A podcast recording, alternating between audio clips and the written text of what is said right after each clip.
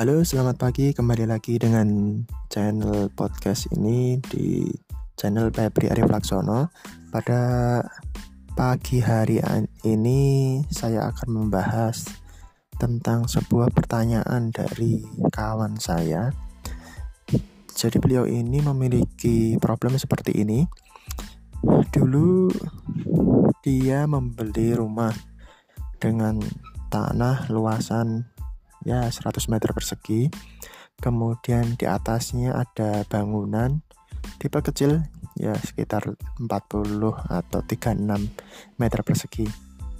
Nah pada awalnya ketika dia masih uh, berdua dengan istrinya rumah segitu terasa biasa saja tidak terlalu sempit juga tidak terlalu besar. Tetapi ketika sudah mempunyai anak anaknya semakin besar uh, membuat uh, rumah tersebut terasa sangat sempit tentunya.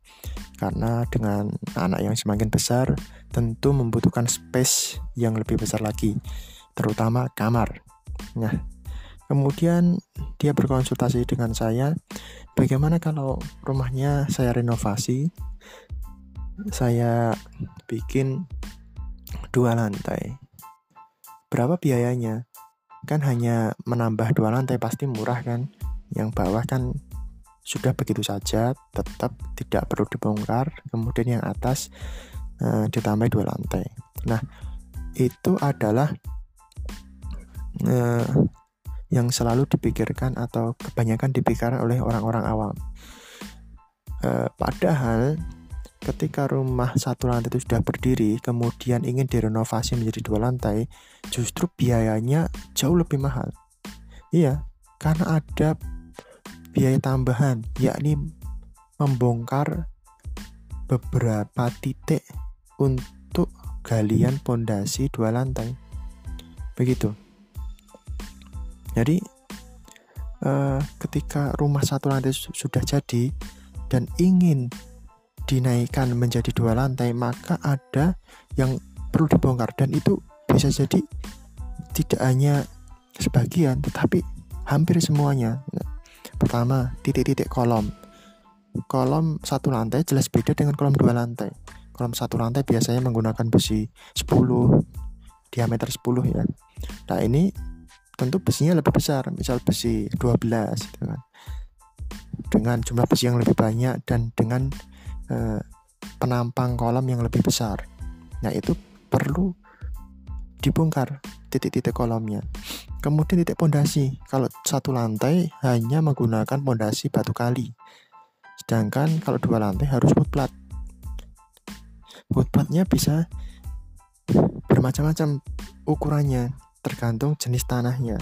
Kalau tanahnya di situ ternyata membutuhkan footplat yang ukurannya besar, misal satu 1,2 kali 1,2 atau satu setengah kali satu setengah meter berarti harus membuat lubang sebesar itu di bawah kolom tersebut sehingga harus membongkar keramik ya membongkar keramik membongkar ya, apa slope membongkar uh, pondasi batu kali yang sudah dibuat.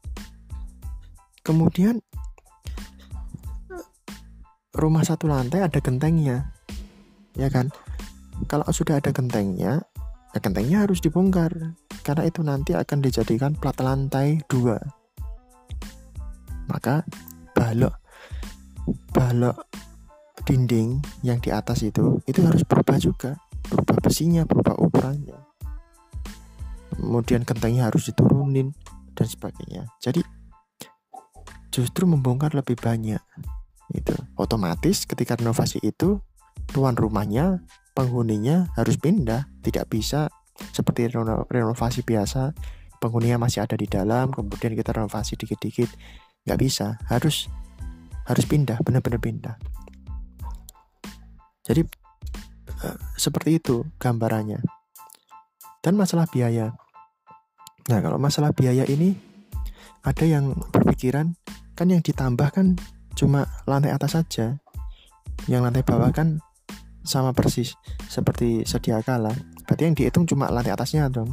Misalnya eh, lantai atasnya itu pengen ditambah 40 meter persegi. Ya udah berarti 40 meter persegi dikali 3 juta misal. Berarti 100 uh, 20 juta. Oh enggak gitu. Cara ngitungnya enggak seperti itu. Karena lantai atas itu ber, bisa berdiri itu karena ada sokongan di lantai bawah itu tadi ada pondasi, ada kolom, ada balok, ada sloof itu yang uh, menyokong. Sehingga hitungannya tetap sama. Yang atas itu misal harganya 3 juta yang bawah itu juga 3 juta per meter. Jadi jangan dipikirkan eh, biayanya itu hanya untuk lantai atas saja lantai bawah yang dibongkar tadi itu juga membutuhkan perbaikan yang tidak sedikit.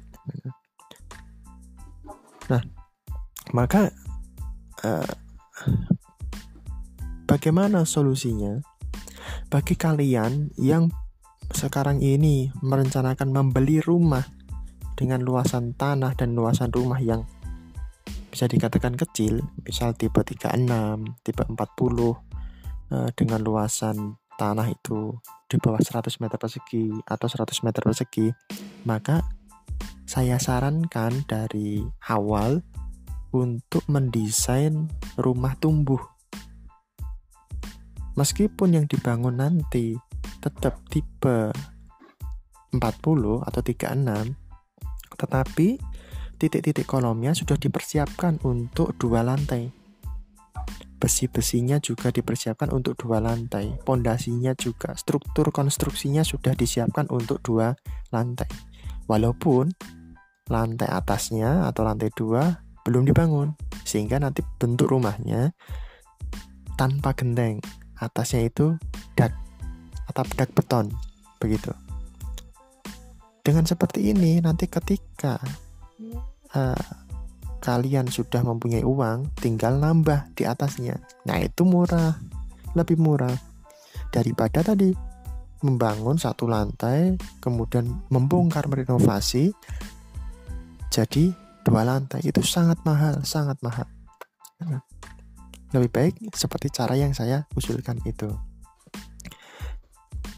Terus eh, apakah ada tambahan biaya biayanya?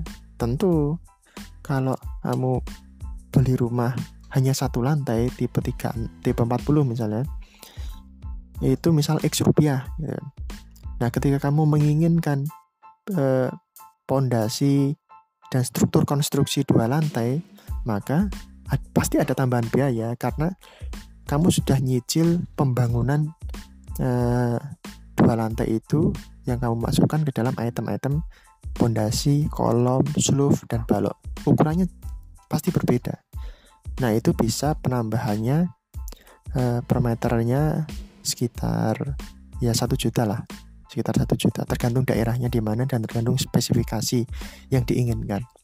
Tetapi rumah tumbuh ini eh, sangat penting Nah, karena kita terus bertumbuh, keluarga itu awalnya single, kemudian menjadi uh, suami istri, mempunyai anak, anak satu, dua, tiga dan seterusnya. Penghuninya bertumbuh, maka rumahnya juga harus bertumbuh seperti uh, cangkang siput itu kan. Di awalnya kecil, kemudian menjadi besar. Tetapi rumahnya juga ikutan besar. Bekicot itu loh. Maka perlu dipikirkan Nah, solusinya adalah rumah tumbuh. Nah, rumah tumbuh ini perlu didesain. Jadi, uh, hubungilah arsitek yang bisa mendesain rumah ini. Jadi, sudah digambarkan tahap secara utuh, kemudian pentahapan pembangunannya. Tahap pertama, uh, bangunan mana dulu yang dikerjakan, uh, kemudian tahap kedua, tahap ketiga, dan seterusnya. Dan itu bisa dikerjakan uh, ketika kamu sambil menabung gitu misal punya uang eh, satu uh, juta. Oh satu juta ini belikan belikan ini dulu lah. Belikan material. Kemudian undang tukang. Jalan jalan sedikit.